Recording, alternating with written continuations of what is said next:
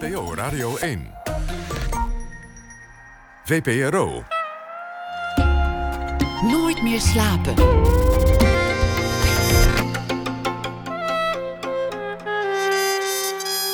Met Pieter van der Wielen. Goedenacht en welkom bij Nooit meer slapen. Mijn gastkomend uur volgde niet alleen al jaren een gestoorde redrace ze genoot er ook van. Parijs, Milaan, Rome, altijd present en als het even kon, front row. En net als de rest van de wereld moesten de laatste maanden toekijken in een comfortabel Roy Donders huisoutfit, hoe die machine stilviel. Geen nieuwe collecties, geen shows en een ongekende crisis. En wat nu? Hoe ziet de mode eruit na corona? Een design mondkapje, vast wel. Maar dan, Cecile Narings is hier, oud-hoofdredacteur van L en Harper's Bazaar, nu modeverslaggever van de Volkskrant. En uh, het gaat niet alleen maar over ziekte, crisis en bederf komend uur. Ik wil ook weten hoe een Limburgs meisje haar weg heeft gevonden naar de wereld van splandeur en klatergoud. Cecile Narings werd geboren in 1970. Cecile, welkom. Goedenavond. Hoe, hoe, hoe gaat het eigenlijk als jij, als jij thuis moet werken? De, de, uh, kleed je je dan mooi aan? Of heb je, heb je toch ook wel een soort binnenshuis outfit? Ja, het is een beetje van boven decent en van onder uh, rommelig. Omdat ik regelmatig moet video vergaderen, vind ik het wel voor mijn collega's zo aangenaam om, uh, om mezelf een beetje op te doffen. Dus ik maak me op, ik, uh, ik doe mijn haar, ik trek oorbellen aan en een horloge en sieraden en een, een, een leuke top. En voor de rest is het een joggingbroek en dikke sokken. Die, die laat je dan zorgvuldig buiten beeld? Ja, ja, dat, mogen ze wel weten, maar ze hoeven het niet te zien. En als je dan naar de, naar de supermarkt gaat, wordt, wordt dat dan ook gewoon in een super of een mooie joggingbroek gedaan?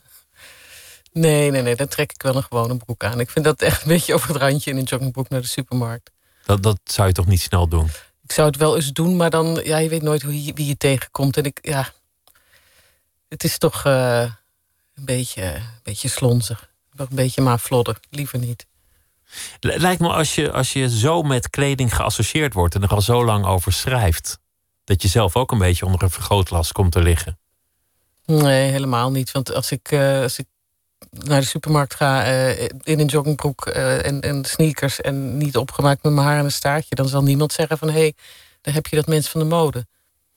Ze herkennen je niet of, Denk of, niet. of ze denken zo nee. niet. Ben je vandaag naar de kapper gerend? Net Nee, als hoor. de rest van het land? Nee. Nee, laat eerst alle mensen met uitgroei en, uh, en, en crisishaar maar gaan. Ik, uh, op de radio ziet niemand het.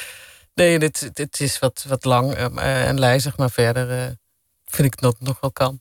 Vind ik ook. Het ziet, het ziet er nog goed uit. Hoe, hoe zijn de laatste maanden voor jou geweest in tegenstelling tot de maanden daarvoor? Want volgens mij stond jouw leven altijd best wel in het teken van het volgen van de wereld van de mode. Dat is internationaal, dat is veel gebeurtenissen, dat is veel erop uit. Ja. Wat, wat heb je allemaal niet gedaan wat je anders wel zou hebben gedaan? Nou, eigenlijk was er deze maanden niet zo heel veel. Behalve de aantal persdagen van, uh, van PR-bureaus die merken vertegenwoordigen. En dan in Nederland de collecties nog een keer laten zien. En dan ga je dan heen en dan word je dan een keer doorheen geloodst. En uh, er wordt vaak een glaasje champagne bijgeschonken. Dus dat nu niet. dat vind ik niet heel erg. En qua shows was er nu deze maand weinig. Um, het zou pas weer beginnen in, um, in juni. Zijn er weer mannenmodeshows. Uh, en in juli uh, couture-shows. En dan in uh, september gaat het weer van start met de, de pret-à-porter. Um, voor vrouwen. En dat gaat waarschijnlijk ook niet door, of digitaal. Dus het is voor, voor, voor voorlopig wel rustig. Ik las al iedereen front row, want we doen het digitaal. Ja. Zit je met je laptop op schoot?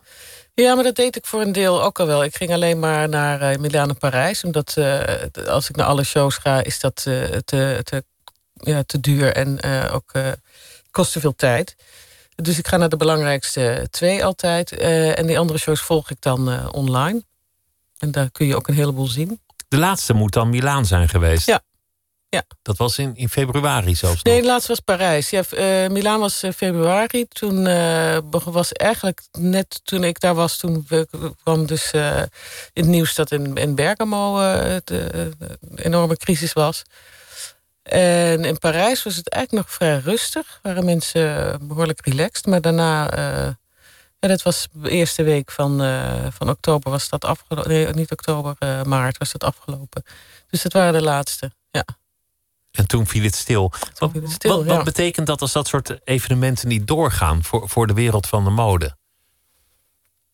Um, ja, dat er, dat, er, dat er vertraging op de lijn zit. Wat, wat er uh, komend najaar in de winkels moet komen te hangen, dat was al uh, getoond. Dus in de, bij die shows waar ik het voorjaar ben geweest, begin van dit jaar. En dan wordt het uh, uitgevoerd. Nou, die producties deels komen stil te liggen. De kleren die nu in de winkels hangen, die, die zijn, worden trager verkocht of niet. Dus er worden overschotten. Het is een enorme lange keten in de mode van het uh, moment dat iets ontworpen wordt. En dan wordt het voor de, voor de retailers, voor de winkels wordt het gemaakt. Er zijn heel veel stappen, daarom duurt het ook zo lang. Daarom wordt in het voorjaar al getoond wat er in het najaar gedragen wordt. Dus waar ontwerpers nu mee bezig zijn... is het, is het maken en bedenken van collecties voor voorjaar 2021. Die zouden worden geshowd in september en oktober. Dat wordt dus nu digitaal.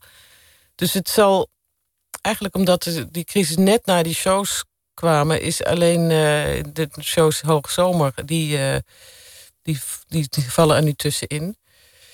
Um, dus ja.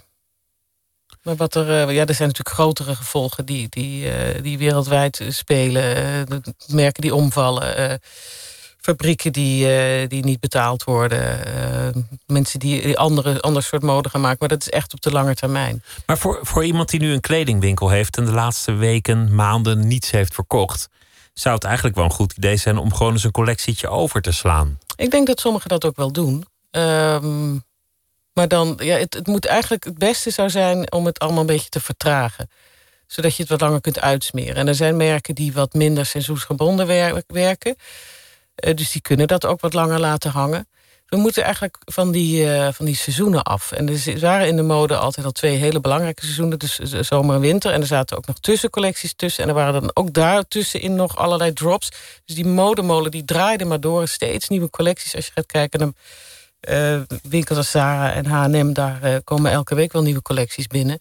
Alsof er een soort ja, grote honger is van, van klanten... om steeds iets nieuws te hebben. En dat zie je ook via Instagram, waar dan influencers allemaal dingen laten zien. Een vroege voorjaarscollectie, een late voorjaarscollectie. Ja, je hebt de pre-spring en pre-fall. En uh, het is eigenlijk bijna niet meer bij te houden. Je hebt dus niet alleen die vier hele grote modeweken. Je hebt dan nog cruise collecties, je hebt haute couture, je hebt mannencollecties. Je hebt dan uh, ook nog uh, speciale drops. Sommige merken die komen dan, de wat hippere merken, komen met, zomaar met iets wat je dan meteen kunt kopen. En allemaal maar om, dat, uh, om mensen te prikkelen om dingen te kopen... die ze vaak al heel snel weer weggooien of die ze, die ze dan beu zijn. Terwijl dat natuurlijk uh, funest is. legt een enorme druk op het hele systeem. Ja. De, de ontwerpers, maar ook op de fabrikage. Ja. En het staat eigenlijk in de weg om ooit eens na te denken over de vraag... waar zijn we mee bezig? Ja, van wat koop je nou eigenlijk en hoe lang doe je daarmee? Het, er zijn allerlei berekeningen. Ik kan ze hier niet uit het hoofd uh, navertellen. Maar mensen hebben veel meer kleding dan, uh, dan vroeger en dragen het ook veel minder. En ik hoop maar dat uh, in die tijd dat mensen nu niet de deur uit zijn geweest... of niet konden kopen of niet online wilden kopen... dat ze zijn gaan kijken in hun klerenkast... of ze die al dan niet hebben uitgeruimd van wat heb ik nou eigenlijk... en wat kan ik er nog mee? Of kan ik het vermaken? Of kan ik het aan iemand anders geven? Of van wat is nou een goede investering geweest? Of zal ik, als ik iets koop, echt iets goeds kopen... waar ik eh, seizoenenlang of jarenlang plezier van heb... in plaats van een truitje dat nu heel erg hip is... maar over een half jaar alweer gedateerd oogt. Dus dat mensen op een andere manier gaan kijken naar, uh, naar ja, wat ze hebben. Daar wordt al heel lang toe opgeroepen... Om, om een soort bedachtzaamheid in de kleding in te voeren. Ik las dat er nu 1 miljoen mensen in de textielindustrie... in Bangladesh bijvoorbeeld al hun baan kwijt zijn... door de coronacrisis zal in andere landen even, even erg zijn. Dat, dat betekent uiteindelijk dat er in die, in die fabrieken vanuit wordt gegaan dat er voorlopig niks meer gemaakt wordt, denk ik. Um, ik denk dat er, er wordt al langzaam wel weer geproduceerd. Uh, en ik, ik zie ook dat, dat de winkels als uh, die, die high street ketens, uh, die zijn alweer open. De Primark is alweer open. Dus ik denk dat het ook wel weer opnieuw hervat wordt. Wat ergens, ik vind het heel erg dat al die mensen hun baan kwijt zijn. Maar dat als het weer helemaal opnieuw van daaruit gemaakt wordt, dan betekent dat het niets heeft opgeleverd aan. Uh, in die zin dat mensen doorhebben dat ze beter dichter bij huis kunnen gaan uh, produceren. Want dat was ook een, uh, een oproep van veel ontwerpers daarvoor al. Van laten we minder maken, laten we relevantere kleding maken, laten we tijdlozere kleding maken.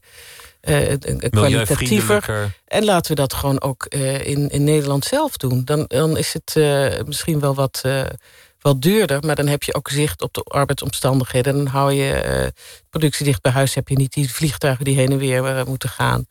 Laten we weer een aantal stappen terug doen. Denk, je, denk je dat dat door deze crisis uiteindelijk gaat gebeuren? Dat dit dat moment van bezinning is? Nou ja, ik zou het hopen. Maar het is nu nog een beetje vroeg om, uh, om dat, om dat uh, te voorspellen. Er zullen wel bedrijven en fabrieken omvallen. En uh, om, om wat minder kwetsbaar te zijn. bijvoorbeeld alleen al die, die mondkapjes die dan uit China moeten komen. Terwijl dat, dat moet je toch ook in, Nederland kunnen maken. Het wordt ook in Nederland gemaakt. Het feit dat je zo afhankelijk bent van een land zo ver weg om je kleren te maken, dat, dat is toch eigenlijk wel. Dat vind ik eigenlijk wel heel erg. Terwijl Nederland een hele sterke textielindustrie heeft gehad. Ik lees hetzelfde over voedsel, ik lees hetzelfde over farmacie, ik lees hetzelfde over heel veel dingen die we ooit in Europa maakten, of zelfs in Nederland, die we nu hebben uitbesteed aan andere landen die uiteindelijk in crisistijd voor zichzelf zullen kiezen. Ja, dus als mensen daar gevoelig voor zijn en denken van we moet, dit moet niet nog een keer gebeuren, dan, dan, dan, dan is het wel een goed idee om dat wat meer in huis te houden. Maar er zijn al merken die dat doen. Het is, er komen steeds meer, uh, meer ambachtsmensen die uh, ook worden opgeleid om dat zelf te doen in Nederland. En het lijkt mij uh, een mooi moment om nu van de nood een, een deugd te maken. Kan dat zomaar? Is die industrie winstgevend te houden als iedereen rustig aan gaat doen? Als het spaarzamer wordt? Ja, dan vraag je mij naar economische inzichten. Die heb ik eigenlijk niet. um, maar je kent de sector? Ja, ik ken de sector wel. Nou ja, ik, ik, uh, ik, zit, ik denk dan... Een aantal jaar geleden waren mensen die uh, biologisch aten... of die uh, vegetarisch aten... Uh, die, die tegen plofkippen waren, um, die waren in de minderheid. En die werden soms een beetje vreemd aangekeken. Alsof het idealisten waren of, of, of geitenwolle sokken. Of, of dat het elitair was. Ja, dat je maar andere nu, mensen niet hun kippetje gunt. Maar nu is het uh, geaccepteerd. En uh, ben je eigenlijk een soort paar jaar als je nog naar de kiloknallen gaat. En ik, ik hoop dat het met kleding ook zo, ook zo veranderen gaat. Ik denk dat het wel kan. Want voeding is natuurlijk iets dat stop je in je mond. Het komt in je lijf. En mijn kleding is de eerste laag daarbuiten. Um, maar ik heb er wel vertrouwen in dat het kan. Dat die boodschap die uh, bijvoorbeeld uh, pioniers als Stella McCartney internationaal en Ronald van der Kemp nationaal, die roepen dat al jaren van jongens, uh, laten we nou eens nadenken over wat we maken. Je kunt ook van deadstock op, opnieuw nog iets maken. Je kunt ook dingen maken zonder daar dieren voor te kwellen of zonder daar landbouwgrond voor uit te putten. En uh, inmiddels zijn die dus nu de, de voorlopers in een beweging... waar mensen zeggen, ja, inderdaad, je hebt helemaal gelijk. En ze laten zien dat het kan. Dat je ook echt wel prachtige dingen kunt maken... zonder daar uh, hele nieuwe uh, stoffen voor te laten weven. Maar door creatief iets te hergebruiken... op van oude, zoals, zoals Duran Lanting doet... of, of Hacked By, ook een, een Nederlands initiatief... door iets, iets te hergebruiken. En ik denk dat als nou ja, dat is een beetje in het wilde weg uh, filosoferen. Maar als deze crisis nog uh, een tijd aanhoudt, dat mensen dan de tijd krijgen om erover na te denken. En dat ze wel moeten omzien naar andere mogelijkheden. Maar goed, ik begreep dat uh, inmiddels de industrie in, in China weer aan het, aan het draaien is. Dus en, nou ja, als dat dan... zou ook kunnen betekenen dat alles weer terug naar voor de crisis gaat. Ja, en, en als ik inderdaad, uh, de, een van de eerste dingen die ik zag toen ik de, afgelopen weekend de, de stad inliep, was mensen met grote Primark-tassen. En denk, ach nee, dan gaan ze weer. Maar toch, ja. weer, toch weer terug. Het is ook een verwijt aan jouw vak, de modejournalistiek.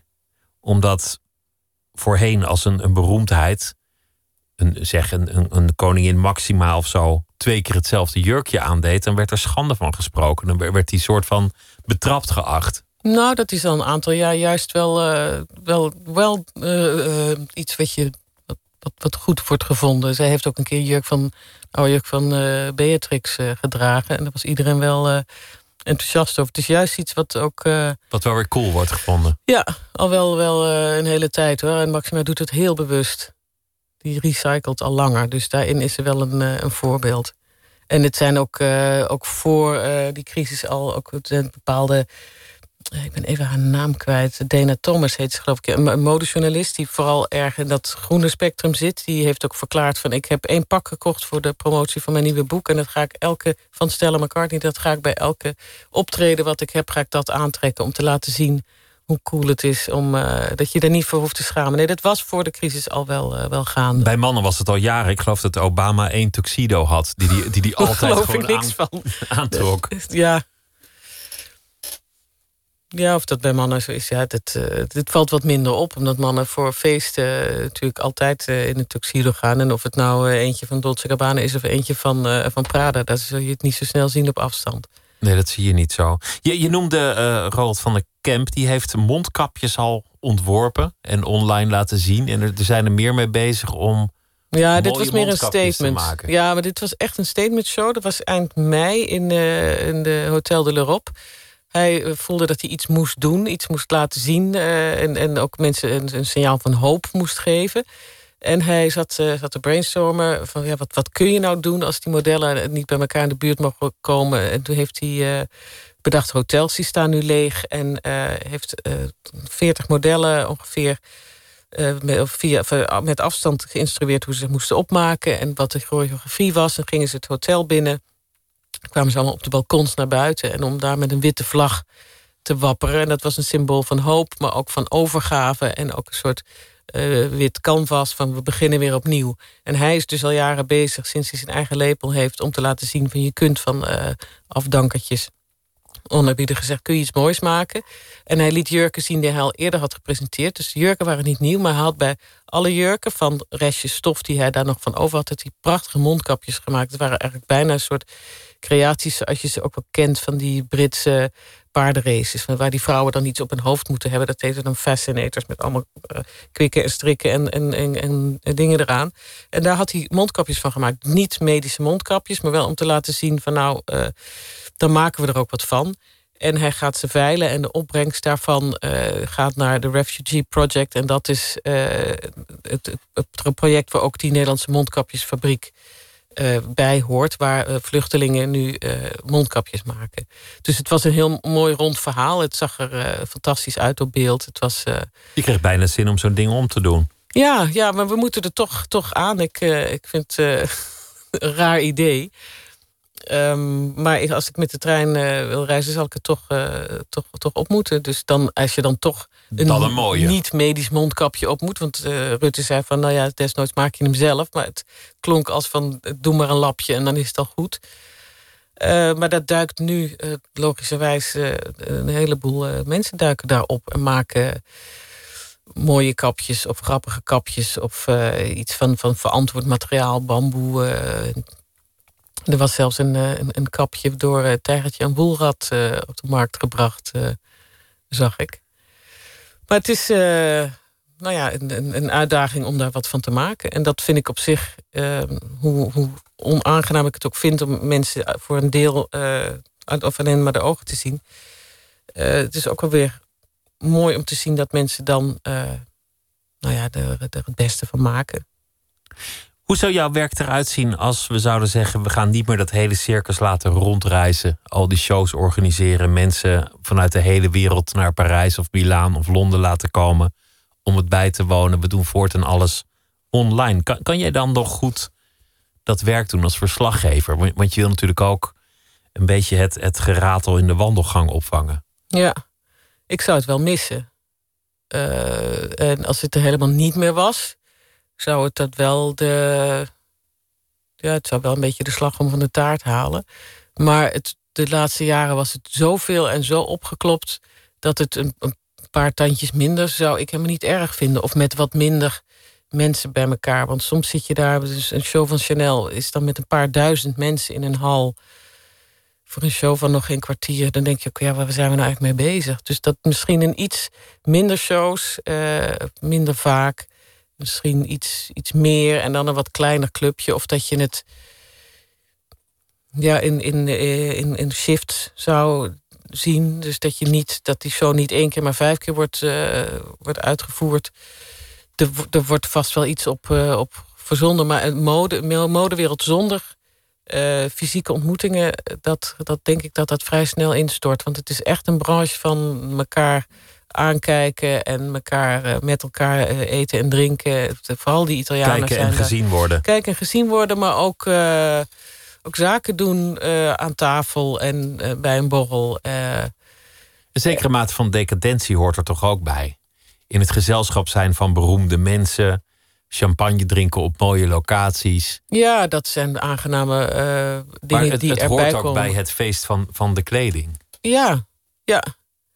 Maar het is niet zo dat er bij elke show dat moet zijn. Er zijn ook, ook shows waar je, dat je in een afgerachte garage zit en met, met, met twee mannen en een paardenkop bij wijze van spreken. Maar wat toch een fantastische show is, omdat er iets nieuws gebeurt. En dat met die champagne, dat is meer uh, bij de echte, echte grote luxe huizen. Maar dat maakt het ook wel juist leuk. Dat je het ene moment, bij wijze van spreken, in een, in een oude garage zit of een metrotunnel. Het andere moment in een, in een oud stadspaleis. Dat is heel magisch. Maar het, de locatie van een show zegt ook iets over de collectie... of over de wereld die een ontwerper neer wil zetten... of over zijn wereldbeeld. De muziek die erbij gedraaid wordt. Het soort modellen wat hij kiest. Dat draagt allemaal bij aan, uh, aan het, het, verhaal, uh, de portée van zo'n collectie. Wat jou voor een deel interesseert is ook de mode als kunst, als uiting. Van iemand die probeert iets te zeggen over de wereld, over de samenleving over zichzelf en zijn eigen biografie en gevoelens. Zoals jij het vak benadert, zou je eigenlijk kunnen vergelijken met iemand anders die de, de beeldende kunstwereld volgt. Of, of, of elk ander ja, ontwerp. Maar het is natuurlijk geen kunst. Want, uh, het, is, het is praktisch, het is functioneel, je, hebt het, uh, je draagt het. Dus het is niet iets wat, wat aan zich uh, overeind blijft. Ja, een paar schoenen kun je ook naar kijken. Maar het, is, het komt pas echt tot leven met iemand erin. Er zijn wel musea voor, maar dat, dat slaat toch een beetje dood. Dan hangt het op een pop. Ja, het is, de vraag is niet zozeer uh, is, is mode kunst... maar ook van is de, is de ontwerper een kunstenaar? En er zijn sommige ontwerpers die, die je bijna kunstenaar zou kunnen noemen... of die zichzelf zo noemen. En anderen die willen dat weer helemaal niet weten... Maar het is, het is toch echt wel wat anders dan kunst. Het kan heel kunstzinnig zijn en het kan aan kunst draken of refereren, maar het is toch. Ja, het bestaat, bestaat bij gratie van de drager. Anders is het, uh, heeft het geen functie. En, en kunst is gewoon. Het, het, object is er en dat. Heeft verder geen nut. Jawel, maar je moet het, hoeft het niet aan te trekken. Je, je bent opgegroeid in Limburg. Je vierde graag carnaval. En dat, dat doe je nog steeds. Heb je, dat, heb je dat dit jaar eigenlijk ook nog gedaan? Nee. Daar heb je een beetje geluk mee gehad, denk ik. ja, nee, ik, uh, ik, het was precies tussen Milaan en Parijs Fashion Week in. En uh, je moet carnaval, uh, als je dus in de stad bent, dan is de weken en de, de, maanden voorafgaand aan carnaval, dan zijn er al bijeenkomsten in de stad. En dan, dan hoor je hier en daar een trompetje of dan is een, een, een pre-borreltje. En dan krijg je er echt, echt zin in. Maar als je zo vanuit Utrecht of, of vanuit Milaan en, en Parijs dan zo in moet rollen, dan, uh, dan kost het even moeite om dan helemaal erin mee te gaan. En dan denk ik van nou, kan beter helemaal niet gaan dan dat ik ga en dat ik nou dan net niet in de stemming kom of dan ben ik net in de stemming en dan moet ik weer terug. En ik vond het ook qua uh, reizen een beetje gedoe. Ik dacht, laat ik maar eventjes rustig een, nachtje goed slapen en dan weer uh, door naar, naar Parijs. Ik moest mijn verhalen ook schrijven nog over Milaan. Dus achteraf misschien wel goed, ja. Het is nog steeds, als je naar al die kaartjes kijkt, een, een tragische blauwe vlek ja. in Nederland. Het is Ja. nog steeds de voornaamste uitbraak geweest. Ja. Komt ervan, hè? Ja. Nog één keer dansen een polonaise op de rand van de vulkaan. Het is ook een beetje de aard van het feest. Nou, het is juist de eh, dansen voordat de, de vaste en de bezinning eh, aanbreekt. En dat is natuurlijk wel gebeurd. Dat is wel waar gebleken. Ja. Je, je bent opgegroeid in een, in een bescheiden milieu. Althans, je, je vader heeft nooit veel gevlogen in zijn leven. Nog nooit. Nog nooit. Nee. En had een, had een prachtig citaat dat je, dat je een keer hebt opgeschreven. Ik ben niet bang om te vliegen. Ik ben alleen bang om neer te storten. Ja. Maar, dat- maar dat geeft ook aan dat, dat jouw leven heel anders is gelopen dan dat van je ouders. Eh, ja. Zeker, ja. Maar wat niet wil zeggen dat ik een heel andere levensinstelling heb. Maar het, mijn ouders zijn... Uh, ja, mijn moeder heeft wel een aantal keer gevlogen. De eerste keer dat ik vloog was met haar. Uh, maar zij uh, hebben mij altijd wel heel veel meegenomen op reis. Maar in Nederland. Wat, dat mensen zitten nu te piepen van... oh, we moeten in Nederland blijven. Ik denk, nou ja, het is hartstikke mooi. Genoeg te zien, genoeg te doen. Ja, het is geweldig. En ik had voor deze zomer twee weken Zeeland geboekt en verder niks. Al ver voor de, de crisis. Dus mijn eh, plannen hoefden niet gewijzigd. Prima, hartstikke leuk. Maar ja, jij groeide op in Maastricht. Ja. Dat is toch wel een van de meest mondaine plekken van Nederland. Ja. of, of zie jij dat anders als je er bent opgegroeid? Nee, ik vind het een hele, hele prettige en beschaafde stad.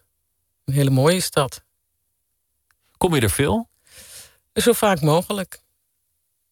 Als het even kan, als ik een reden heb, dan, uh, dan ga ik daarheen.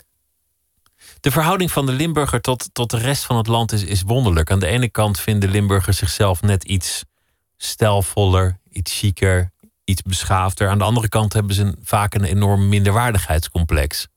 Tegelijk. Dat kan naast elkaar bestaan. Jazeker, een soort Calimero-complex. Ja, dat klinkt heel dubbel, maar het is, het is, het is zo. En uh, ik denk dat dat ook wel voor meer, uh, meer bevolkingsgroepen geldt. Je hoort het ook wel eens over. Uh, ja, over, migrantenkinderen of, of over ja, heel veel mensen hoor je dat. Ja, of over. wat was het nou laatst over? Ik ben echt zo laat op de avond helemaal niet meer nu. Nee, maar het is ook, ja, ze voelen zich een beetje genegeerd door de hoge heren uit Den Haag. Uh, dit is ook zo. Dat, uh, maar datzelfde dat sentiment is ook in. Uh, ik sprak iemand uit Zeeuws-Vlaanderen, die had dat ook. Die zei van ja, als we het over Nederland hebben, dan komen we altijd als laatste. En zelfs als er kaartjes worden getekend van Nederland, staan we er soms niet eens op.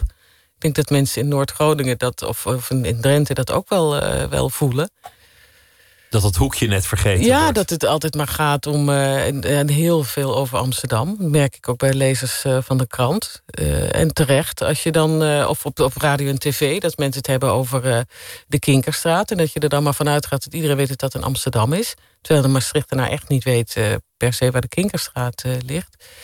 En het is ook, is ook wel een kloof. Dan moet je ook moeten we ook wel erkennen, denk ik. Uh, dat, dat juist die, die radio, tv en uh, bladen en krantenmakers... veel te veel in hun eigen bubbel zitten.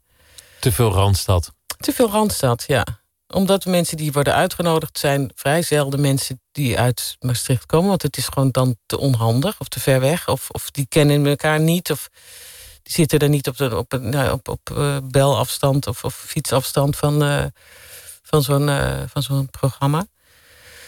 En anderzijds uh, ja, vinden Limburgers, even allemaal over één kam geschoren... vinden dan uh, mensen van boven de rivier te direct en te bot en te onverzorgd en te, te luid. En dat klopt voor een deel natuurlijk ook wel. Hoe keek je eraan toen, toen je, tegenaan toen je kleiner was? Was er een variant denkbaar dat je daar altijd zou zijn gebleven? Um, nou, toen ik op de middelbare school zat en toen ik voor het eerst echt in het buitenland kwam, dat is, uh, toen ik 16 was in, in Rome, toen dacht ik wel van, aha, nou begint mijn leven en dit is. Uh, zo gaat het zijn. Zo gaat het zijn, ja. Hier ga ik nog vaak naar terug. En uh, Maastricht is toch eigenlijk ook maar een boerengat. ik ga hier zo snel mogelijk weg. Dus toen ben ik gaan studeren in Utrecht. Had natuurlijk ook niet een. Had je toen al een plan? Ik had wel een plan. Ja, ik wilde graag uh, journalistiek in. En dan het liefst bladen maken. En dan het liefst hele mooie bladen maken. En dan daar de baas worden. Dat was een beetje het plan. Dat is allemaal gelukt. Ja. Was dat een crisis toen het lukte? Dat je dacht, shit, nou heb ik geen doel meer? nou ja, ik heb wel... Toen ik bij, bij Bazaar zat al een aantal jaar... dacht ik wel van ja, en wat nou hierna?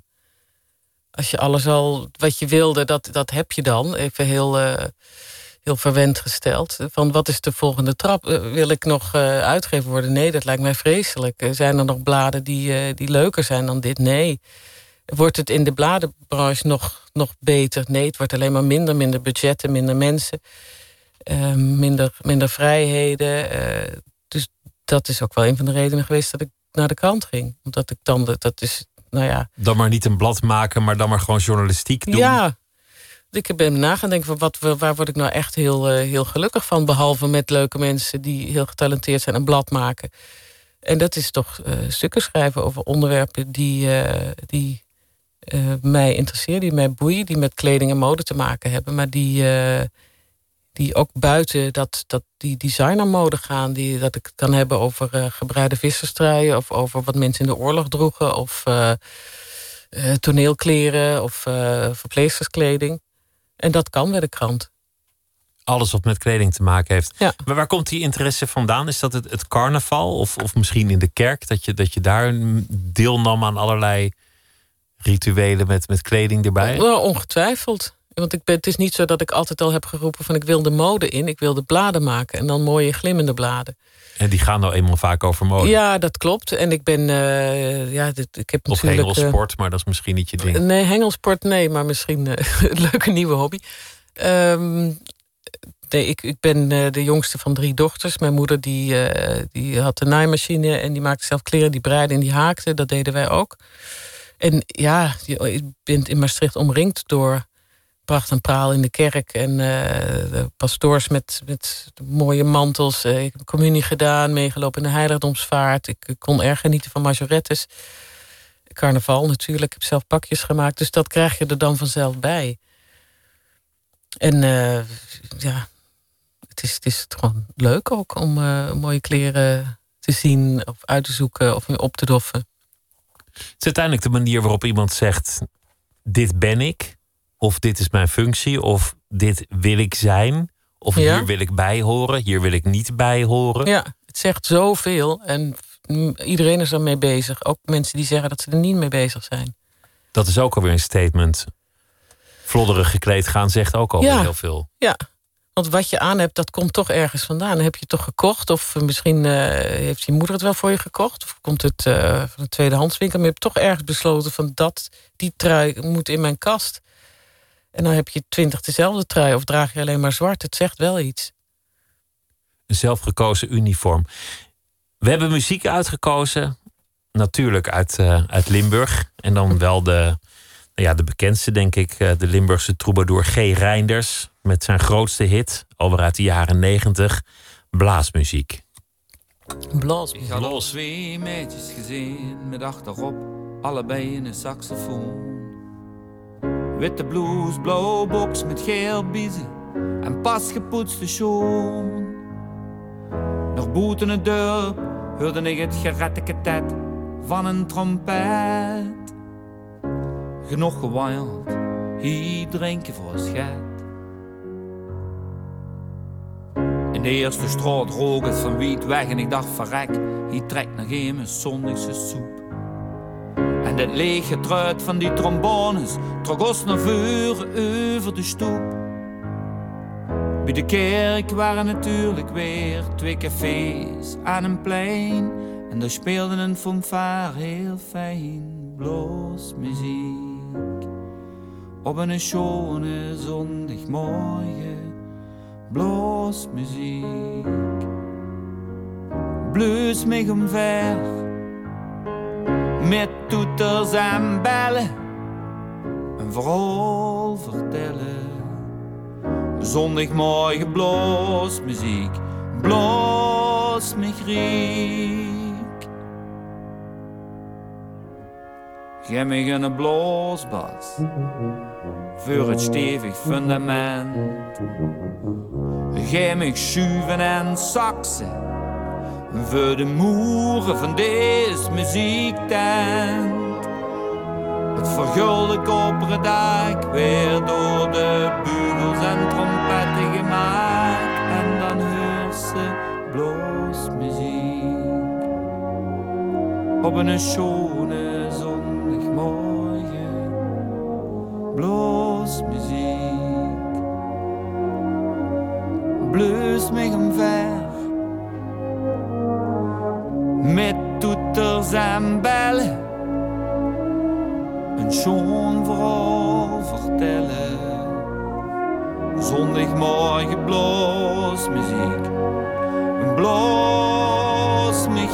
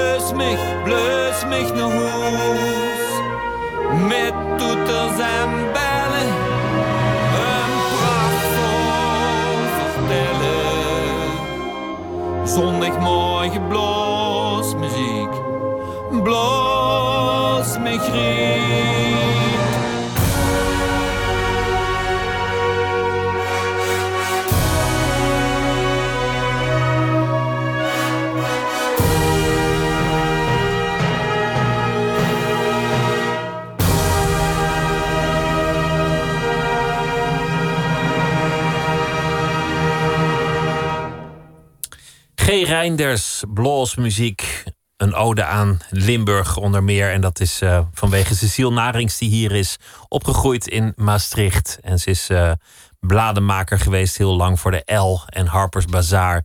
En nu werkt ze voor de Volkskrant, waar ze alles verslaat dat te maken heeft met kleding.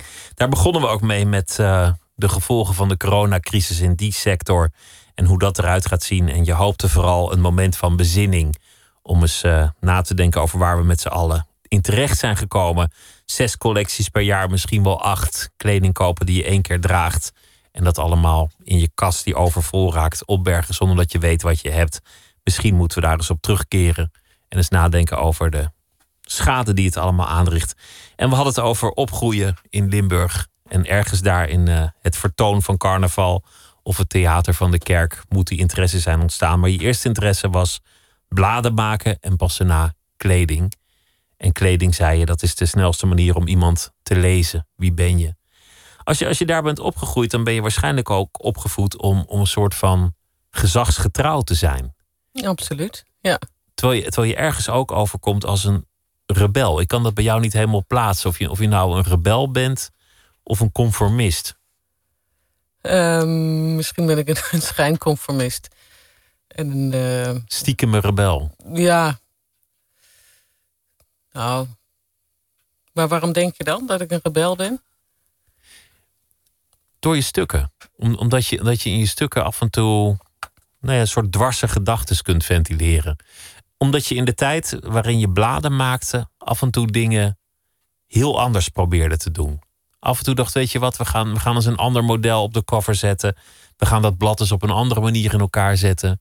Je hebt best op een aantal momenten je nek uitgestoken.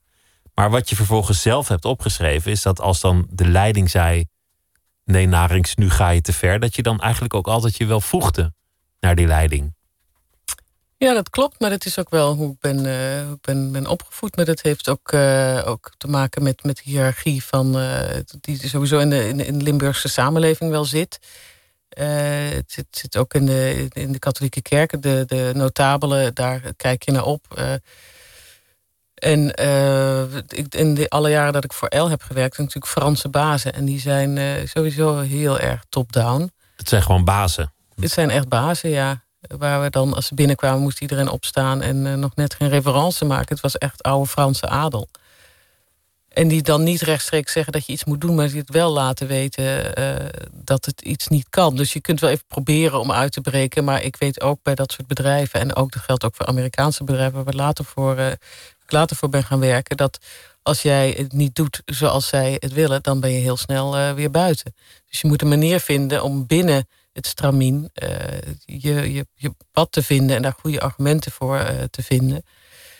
Uh, dus dat is net zoals een, een, een, klas een nieuwe leraar uitprobeert, moet je ook als, als hoofdacteur van een blad, je moet je, je speelruimte ook verdienen. Maar ook niet, niet als, een, als een olifant in een porseleinkast te werk gaan. Kleine stapjes zetten. Kleine stapjes, ja. En ook, ook reëel zijn. Als je denkt van nou, ik kan nu niet meer doen dan ik, dan ik heb gedaan, dan, dan moet je verder gaan. Waar hangt het dan vanaf of, of het geslaagd is van de verkoopcijfers? Of, of die editie ja. het goed gedaan ja, heeft? Ja, verkoopcijfers of, of publiciteit. Dat wil ook nog wel eens helpen. Omdat mensen denken dat je door veel publiciteit ook, uh, ook veel bladen verkoopt. Maar het is, een, het is een moeilijke bedrijfstak die al jaren onder druk staat. Uh, sowieso printmedia. Nu in deze tijden worden er wel wat meer bladen verkocht, maar dan zit de advertentieverkoop weer tegen. Het is zeker omdat heel veel mensen hun nieuws en met name modenieuws ook online halen, uh, wordt er minder verkocht. En omdat jongeren minder lezen. Waar gingen die discussies dan over met, met, met de leiding van zo'n zo'n blad? Wat, wat waren dan de, de precaire kwesties? Nou, met internationaal had ik uh, met name discussies over het, het beeld van de vrouwen die we neerzetten. En uh, zij wilden in Amerika met name uh, dat we alles over de hele wereld samen gingen doen. Ze zeiden, nou ja, als Prada en, en Gucci ook een campagne kunnen maken voor de hele wereld, dan kunnen jullie ook modeseries maken voor de hele wereld. Terwijl um, ik juist het, het, voordeel vond van, van je eigen editie hebben, dat je de Nederlandse vrouw kon bedienen. En dat is toch een hele andere vrouw dan een lezeres in Mexico of in Moskou. En dan moesten we soms uh, modeseries uh, in het blad zetten... die in New York waren geschoten... en die heel, voor Nederlands begrip heel ouderwets waren... met, uh, met een, een, een tuttig vrouwbeeld. Terwijl ik het juist veel spannender vond... om eens een keer in echt oude modellen te laten poseren... In, in prachtige jurk. Echt vrouwen van de 8 en de 80 en de 90. En dat vonden ze dan best wel raar. En dan of ik had een keer een cover met een... Um, de Marlou van Rijn, die heeft uh, gouden medailles gewonnen bij de Paralympische Spelen. En die heeft met haar blades op de cover gestaan. Omdat ik dacht van nou, dit vind ik een, eh, een heel krachtig, heel grafisch beeld. En niet iets wat je moet verbergen. En dat, ja, dat vinden ze dan gek. Dat vinden ze. Het is ook een cultuurverschil. Het is een cultuurverschil, ja. En, en ik, ik vind dat je uh, als hoofdredacteur van een lokale editie weet je donders goed wie uh, die lezers zijn en hoe je land in elkaar steekt en wat het, het medialandschap is, wat de andere titels doen en hoe je je kunt onderscheiden. En ik vind dat je, en ik heb daar in het begin dat bij El zat, dacht ik van meer van ik moet in de pas lopen, maar naarmate ik langer in dat vak zat, merkte ik van je hebt wel degelijk invloed en dan moet ik wel wat mee doen. Want als uh, dat, dat alleen maar hele dunne, hele witte hele jonge modellen tonen, dan, uh, dan doe ik ook mee aan, de, aan dat. dat uh, dat in stand houden in stand van een ideaal. Van dat, ja, best wel nou ja, een beetje, een beetje uh, on, onrealistische beeld. Want wie wil je nou bedienen als, als, maar, als Harper's Bazaar met name? Dat zijn toch vrouwen die al 30 plus zijn, 35 plus, tot, tot 70 en daarboven. Waarom zou je dan een meisje van 16 laten poseren? In een, in een jurk van, van, van 1200 euro. Dat slaat toch helemaal nergens op? Het is niet waarschijnlijk, er zijn niet veel meisjes van 1600 die een, van 16 die een jurk van 1200 euro kunnen betalen. Nee. En de vrouwen die dat kopen, die zien er zelf anders uit dan het meisje die het aanprijst. Maar, maar voor een deel is, is het waarschijnlijk ook een droomwereld die je creëert. Absoluut, maar het is, het is eh, denk ik een verkeerd signaal als jij uh, laat denken dat, dat het een droom is om altijd maar jong te blijven. Dat, uh... Of een droom om wit te zijn, wat ronduit ja. kwalijk is. Ja, precies. In, in die zin heb jij daar gezeten in een tijd die achteraf de tijd zal heten waarin de boel eindelijk in beweging kwam? Of zie je dat niet zo? Ja, ik denk het is, het is wel, uh, wel lastig. Het is een soort golf. En je ziet in Amerika op de catwalks, daar is het uh, vrouwbeeld echt een stuk diverser, ook in de bladen. Maar in Milaan en Parijs gaat het heel moeizaam. Ik heb zowel in Milaan als Parijs met twee plus-size modellen gezien.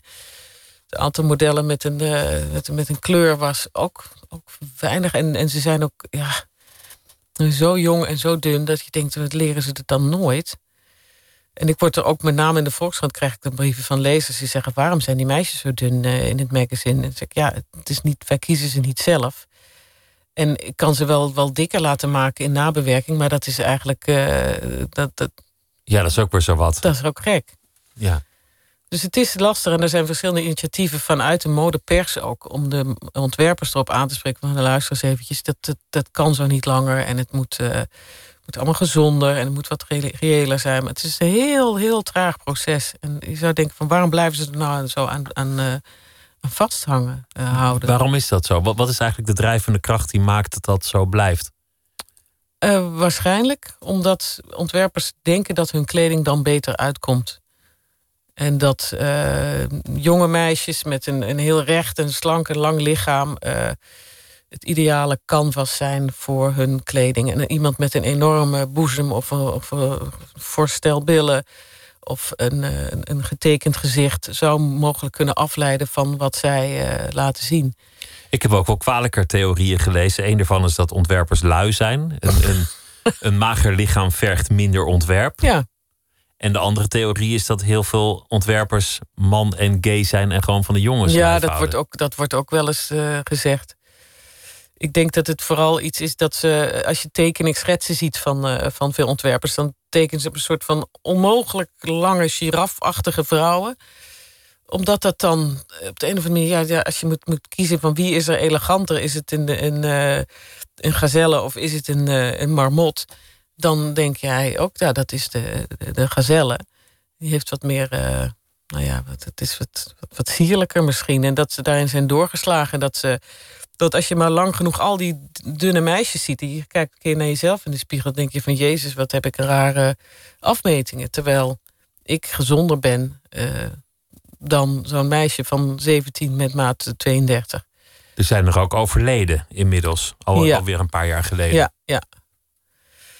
Nou, de, echt overleden modellen, die, dat, dat zijn die twee gevallen, uh, volgens mij Brazilië en, en ver weg. Maar er zijn wel zeker wel degelijk modellen die, uh, die anorectisch uh, waren. Ja, dat is, dat is heel kwalijk. Laat, laten we desalniettemin alleen, niet alleen hebben over de misstanden in, in de kleding. Want wat je in je nieuwe functie ook veel doet, is de vrolijkheid, de schoonheid en, en het, het interessante aan kleding tentoonspreiden. Je hebt, je hebt in, in je loopbaan best wel veel beroemde ontwerpers van nabij al meegemaakt. Mogen interviewen of, of ja. door ze ontvangen. Maar wat vond je het meest bijzonder? Um, ik denk uh, Azedine Alaya. Uh, dat is een, uh, een, een hele hij is niet, niet wereldberoemd zoals bijvoorbeeld Karl Lagerfeld... die ik ook wel heb gesproken, maar die was eigenlijk vooral aan zenden. was een soort radio die helemaal niet luisterde naar, uh, naar mijn vragen... met een enorme entourage eromheen. Maar Azedine Alaya is een uh, Tunesische ontwerper... die uh, echt een meesterbeeldhouwer is. Hij is zo knap, ook echt een, een, iemand die, die zelf coupeur is. Dus niet alleen iemand die de, die de lijnen schetst... maar iemand die ook echt technisch bedreven is... En die jurken maakt die als vrouwen ze aantrekken van een vrouw echt een soort supervrouw maken. Alles zit opeens op de juiste plek. Ik heb ook een paar keer jurken van hem aangedragen. Het is fantastisch, alsof je een soort betoverd wordt. Het is zo knap hoe die door de, de architectuur en de stof en de, de dichtheid van de, van de weefsels. En een heel klein bescheiden mannetje is het die uh, een soort familie om zich heen had verzameld. Hij had zijn, uh, zijn atelier in de Marais in Parijs. En ik ben ooit een keer daar geweest om... Uh, hij had een parfum, zijn eerste parfum werd, werd gelanceerd. En we hadden een diner in, in, die, in dat atelier. En dat was allemaal heel sympathiek en heel kleinschalig... en helemaal niet, ook niet overdreven. En toen stond ik op een gegeven moment even buiten op de binnenplaats. En toen keek ik naast me en toen zag ik hem naast me staan. En hij kwam daar heel, nou ja, onopvallend gewoon even voorbij... en knikte zo dat iemand met zo'n grote naam... en voor modeontwerpers is het echt een, uh, nou, een soort, soort halfgod... Uh, dat hij zo ook letterlijk heel, heel, heel nederig en heel toegankelijk was. En dat vond ik echt wel heel bijzonder om daar te zijn. En een andere ontmoeting die ik ook heel speciaal vond... dat was ook in Parijs, maar dat was van een heel andere kaliber. Dat was bij Hubert de Givenchy in zijn Parijse stadspaleis... En dat is een man die is echt van, van oude Franse adel. En die heeft uh, um, Audrey Hepburn gekleed. Hij is de man van de uh, jurken uit, Funny Face en, en Sabrina. Dat zijn echt naar iconische jurken. En uh, Breakfast at Tiffany's. En ik stond er echt met knikkende knieën voor de deur. En ik dacht van jeetje, nou, dat is echt Hubert de Givenchy. Hoe is het mogelijk? Heb ik wel, ben ik wel goed gekleed? Uh, komt het wel goed? Uh, toen kwam ik binnen. Ik werd daardoor een, een hele strenge mevrouw naar hem toegeleid. En hij kwam naar me toe. Een lange man, nog steeds op zijn oude dag. Heel vriendelijk, met een grote hond naast zich. Dus ik dacht van, oh, het is gelukkig. Het is, een, het is een man van vlees en bloed. En hij is heel sympathiek. En toen zag ik dat zijn gulp open stond. En toen dacht ik, oh, hij is gewoon echt, echt een, een normale man. En ik moest daar een beetje om lachen. Maar ik dacht wel van, oh, dat maakt hem wat minder uh, goddelijk. Ja, minder goddelijk. Menselijk. Ja. En die is ook, uh, ook overleden een paar jaar geleden. Maar dat, uh, en toen bleek dat hij stokdoof was. Want ik dacht, waarom geeft hij nog geen antwoord op mijn vragen? En toen kwam zijn, zijn vriend waarschijnlijk, huisgenoot, kwam binnen... en die heeft hem echt heel hard toegeschreeuwd. wat ik dan vroeg nog een keer herhaald. En toen dacht ik, oh, hij is gewoon doof. Maar dat, dat klinkt als uitzondering. Het beeld dat je vaak toch hebt van... van de modewereld, zowel de, de journalisten aan de ene kant als de ontwerpers. Nou ja, je noemde Karl Lagerfeld. Dan, dan denk je aan een onbenaderbare man met veel te veel entourage. Of je denkt aan de andere kant aan uh, Anne Wintour. Iemand die, die toch ook het imago van een fakes zich met trots heeft aangemeten. Je, je denkt aan een, aan kille wereld waarin mensen elkaar graag met liefde de, de ogen uitsteken. Nou, die kant zit er best wel aan. En, en uh, Karl Lagerfeld is natuurlijk een, uh, een, meester in het creëren van zijn eigen mythe. imago en zijn eigen mythe. Maar in, in, in, in wezen zijn het allemaal creatieven. En iedere creatief, zeker in de mode, moet een zekere gevoeligheid hebben. Um, en heel veel ontwerpers zijn ook echt hele gevoelige, hele lieve, aardige personen. En er zitten af en toe wat ijdeltuiten tussen, zoals uh, Valentino. Dat is ook een heel bijzondere man die heel goed weet wat hij doet en hoe hij zichzelf moet presenteren. Maar het, het echt een, een harde, een kille wereld. Nee, kill is het eigenlijk nooit. Niet in, niet in de wereld waar jij komt. Want, want de verhalen over zo'n Parijse modestudio. Daar, daar zijn films en boeken over geschreven. Die, die, die liegen er niet om. Een wereld vol concurrentie. Ja, maar het is ook een beetje net zoals uh, verhalen worden verteld over koks. Uh, die dan uh, heel. ja, als, het, als er stress is en mensen moeten iets afmaken en er is tijdsdruk. En mensen zijn perfectionistisch. en er zitten ook nog hele grote concerns die dan willen dat dat iets ook nog goed verkoopt. Ja, dan, dan kan het een snelkookpan worden en kunnen mensen bezwijken onder de druk. En de een gaat dan heel veel drinken of snuiven... en de ander gaat dan schelden en met dingen gooien. Maar ik denk dat in wezen een, een goede ontwerper... Heel, uh, heel veel gevoel moet hebben... en in ieder geval ook moet houden van, van de, de vrouwen of de mannen die hij kleedt. Want zonder liefde voor een lichaam kun je natuurlijk nooit iets maken... wat iemand ook echt optilt. En dat is toch wat de kern, zeker iemand als Givenchy en, uh, en Alaya... die willen vrouwen letterlijk verheffen en, en, en op een voetstuk zetten. Een menselijk beroep uiteindelijk in die zin. Absoluut. Heb je wel eens gemerkt dat mensen jou anders inschaalden of anders inschatten dan je, dan je werkelijk bent? Ja, maar de, de vraag is, uh, wanneer weet je hoe iemand is? En als ik met vrienden of familie ben, dan ben ik uh, natuurlijk anders dan dat ik in een zakelijke meeting uh, ben.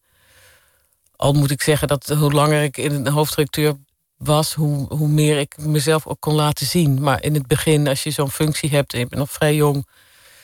en er wordt naar je gekeken van hoe doet ze het... en uh, ja, dan, dan probeer je toch een beetje vast te houden aan een, uh, een beetje aan een imago, of een kapsel of een paar hoge hak. dat, dat helpt dat hoor, ook omdat ik zelf dacht dat het zo hoorde. Om echt helemaal jezelf te zijn en... Uh, dat, dat vergt uh, ervaring, volwassenheid en, uh, en moed en een zekere strijd aan alles. En naarmate ik ouder word, heb ik veel meer strijd aan alles. En zeker nu ik bij de Volkskrant zit, denk ik van nou, ik kan voor een deel die, uh, die, die façade wel uh, laten zakken. Want ik ben nou niet meer de hoofdredacteur, ik ben gewoon een modejournalist van de krant. En bij de Volkskrant hoef je niet heel erg je best te doen om de best geklede van de redactie te zijn, lijkt me. Nee, dat is Maarten Keulemans, onze wetenschapsredacteur. Nee hoor. Uh, nee, maar dit, oh, er zijn echt wel mensen met, uh, met smaak met en stijl. Ja, ja, ja. Zeker Natuurlijk. wel. Dit is ook, een, ook een cliché. Je, je hebt wel in de loop der jaren meer je, je menselijke kant laten zien. Of hoe je het ook noemt. Je, je zachte kant of, of je humor. Ik denk dat mensen die vroeger niet zagen of niet, niet wilden zien. Maar, maar je hebt er ook op een zeker ogenblik wel toegestaan om, om dat meer te uiten. Je, je, je twijfel. Ja, maar dat, dat, dat zei ik net. Het, eh, om je wat meer uh, open te stellen of om wat meer de. Uh, moet je maling krijgen? Ja, je moet ook wat. Uh, moet misschien wat zekerder zijn om je onzekerheid te laten zien. denk ik. Je hebt natuurlijk ook nu een, een, een, dochter die wat ouder is en die ook volle kritiek op jou kan uiten inmiddels. En, ja. en die tegen jou rebelleert. Ja. Of ja, valt dat wel mee? Dat eigenlijk? valt eigenlijk wel mee. Ja. Nou, je hebt er wel eens over geschreven dat, dat ze in kleding exact dat doet wat, wat jij nou. Ja, maar dat, dat was een beetje deed. in haar puberteit, maar ze is inmiddels 19, bijna 20. Dus die. Uh, die nee, fase is ook weer voorbij. Ja, nu, nu uh, neemt ze steeds kleren mee uit mijn kast. Uh, als ze weer eens een weekend komt. Of ze vraagt advies. Of ze zegt tegen mij: nee, man, dat kan echt niet meer. Dus het is, nee, het is, het is, het is geen, geen. niet rebelleren. Nee. Dat is goed gekomen. Wat zijn de verhalen waar je op verheugt de komende tijd? Want, want je had bijvoorbeeld in de coronacrisis het outfit ja, dat was onder de loep een genomen. heel fijn onderwerp. We zagen op het journaal alleen maar mensen in, in van, die, van die blauwe pakken met van die slofjes en, en mutjes. En toen kwam dat artikel natuurlijk gelegen. Ja. Ja, dat was dankzij. Want ik dacht, ik moet iets met die beschermende kleding. Moet ik dan gaan vragen wat het van gemaakt is, wie het maakt of wat ze nou precies aan eh, doen. Ik dacht, ja, ze zitten op mij te wachten dat ik ga bellen van jongens uh, op de IC. Wat heb je nou eigenlijk aan? Een collega die zei van, uh, moeten we niet iets doen met het verpleegstersuniform en het imago? En dat was, dat was een feest om te maken. Ja, het mondkapje, dat zal natuurlijk als eerste op de agenda komen. En langzaam gaan de musea weer open. Dat is ook fijn dat ik dan weer over tentoonstellingen kan, uh, kan praten. Uh, en ik zit na te denken over uh, kleding die gedragen werd in periodes van, van, van ziekte en, en, en tegenspoed door, de, door de jaren en eeuwen heen. Dat zou nog een mooi onderwerp kunnen zijn. En dan natuurlijk heel praktisch als alles weer gaat draaien. Nou, Parijs is net weer open qua winkels, Milaan en Rome ook. Uh, en wat zijn de plannen van die modehuizen? Het wordt nu zo langzaam, een paar, dagen geleden kwam daarvoor dat dan uh, kwamen digitale shows. Dus ik, ik wacht het even af uh, wat, het, wat het gaat brengen en, en, hoe het gaat worden. En als er weer een mooi verhaal te vertellen valt, dan, dan zal ik het optekenen. En dan zal ik het lezen. Het was leuk om je te ontvangen dit uur. Dank je wel, Cecile Narings. Heel graag gedaan. Vond het en ik wens, je, ik wens je heel veel succes de komende periode. En ik, wel ben benieuwd hoe de kleding uh, anders zal zijn door eerst de epidemie en daarna de crisis en de wederopstanding. En uh, alles wat ons te wachten staat. Dank je wel. En morgen in Nooit meer slapen, dan is Peter de Wit hier te gast, striptekenaar. En die komt met een bijzondere aanleiding. Namelijk zijn een heruitgave van het legendarische stripblad Eppo. Dat morgen in Nooit meer slapen. En zometeen op deze zender Misha Blok met Miss Podcast. Ik wens u allemaal een goede nacht.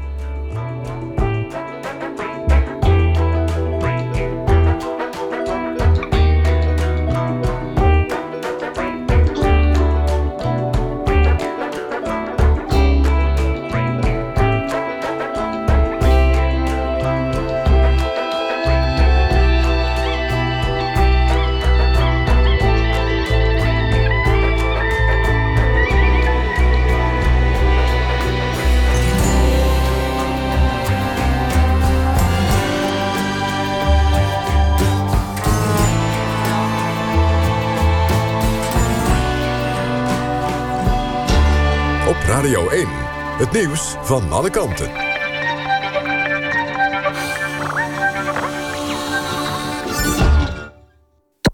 NPO Radio